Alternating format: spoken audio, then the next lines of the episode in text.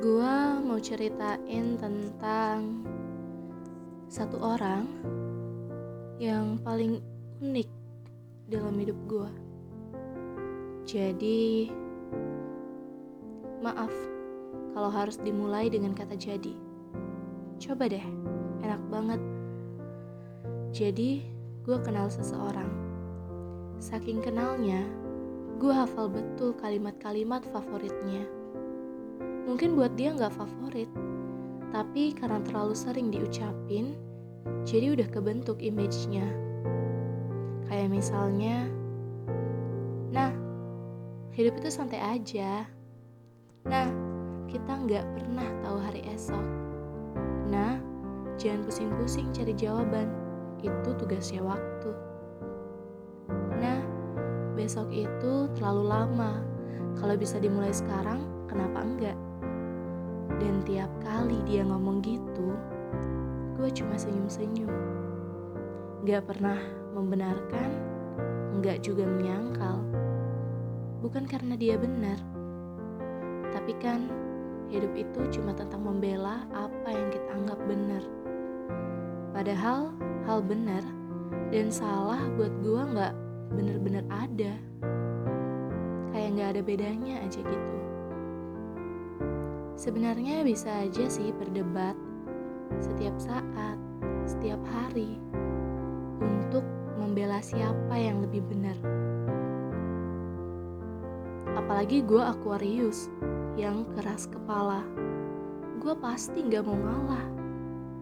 Tapi balik lagi, hidup bukan tentang menang dan kalah, tapi menikmati prosesnya.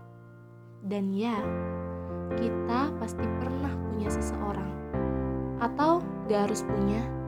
Seenggaknya, kita kenal satu orang yang rasanya apa pun dilakuin supaya dia bahagia. Walau harus serumit apa pun perasaan yang kita hadapin, sepilu apa pun rahasia yang terpaksa dibungkam rapat-rapat suaranya, walau kadang, kadang kita harus ngorbanin bahagia kita sendiri buat dia. Dia sosok yang bahkan gak tahu ada seseorang yang udah lama nungguin, peduli, ngedoain, ngelakuin hal-hal yang luar biasa. Yang kalau aja nih dia tahu, dia pasti gak percaya. Lagi-lagi itu gak masalah, gak apa-apa.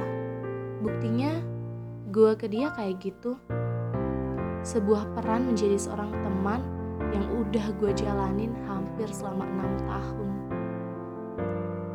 Tujuannya ya cuma buat ngeliat dia bahagia. Gue harus ngejamin itu. Mungkin akan terbayang lama. enam tahun. Dan sekarang hampir tujuh tahun. Tapi buat gue nggak selama itu. Karena semuanya menyenangkan. 6 tahun gue kenal dia dan rasanya gak ada yang berubah. You know, seseorang yang kita tatap dan dalam hati kita bakal bilang, ya ampun, rasanya kayak baru kenal kemarin. Gak usah ditanya udah berapa subjek yang dia ceritain sama gue. Udah banyak banget. Yang matahin hati dia, yang gak bisa balas perasaannya, yang gak direstuin orang tua dia gak pernah nyimpan rahasia apa-apa. Tiap sudut kisah dalam lingkaran kehidupannya, gue tahu tanpa perlu gue baca. Kenapa? Karena dengan senang hati dia bersedia nyeritain semuanya sama gue. Gak tahu ya gimana gambarin rasanya kayak apa. Pokoknya seneng dan sedih di waktu yang bersamaan. Pelik dan elok ya jadi nggak ada bedanya. Tapi semua jadi worth it. Ketika ada aja yang buat gue lupa dengan perasaan gue sendiri. Kayak misalnya, gue contohin kejadian di suatu hari yang begitu random. Tiba-tiba dia nelfon gue, nanya gue lagi di mana. Dan kalau dia udah nanya gue lagi di mana, jawabannya ya selalu sama. You know where to find me sebuah kedai kopi dekat rumah. tempat gue dan dia biasa membentuk semesta baru tiap harinya. Tempat yang bahkan buat gue nggak pengen keliling dunia. Karena di sana obrolan sederhana berhasil merancang petualangan cerita. Seperti yang biasa dia lakuin. Datang, duduk depan gue. Gue yang kondisinya lagi sibuk baca buku. Dia duduk. Duduk aja gak akan berani ngomong sampai gue tutup buku dan nyiapin telinga buat denger kalau kesahnya. Kira-kira kayak gini percakapannya. Jadi ada apa tuan? Gue ditolak, jing. Dia gak bisa sama cowok yang kerjaannya belum jelas. Ya iyalah, kerjaan lo belum jelas. Secara lo masih SMA bodoh. Iya, gue emang lagi SMA. Tapi gue nggak tahu nih, gue lulus SMA apa enggak? Hah? Bingung dong gue. Nggak apa-apa nah. Kemarin kayaknya gue mimpi kalau gue nggak bakal lulus deh tahun ini. Secara tahun ini gue online kerjaannya apa? Tidur nyontek, tidur nyontek mulu kan? Gue diem, gak merespon. Dia nahan ketawa. Terus akhirnya kita ketawa sama-sama. Dari masalah cinta jadi ke realita. Hal yang menyakitkan bisa dibuat jadi begitu menyenangkan kalau sama dia. Dan itu, itu yang jadi alasan kenapa gue gak pernah ke mana-mana. Seseorang pernah bilang,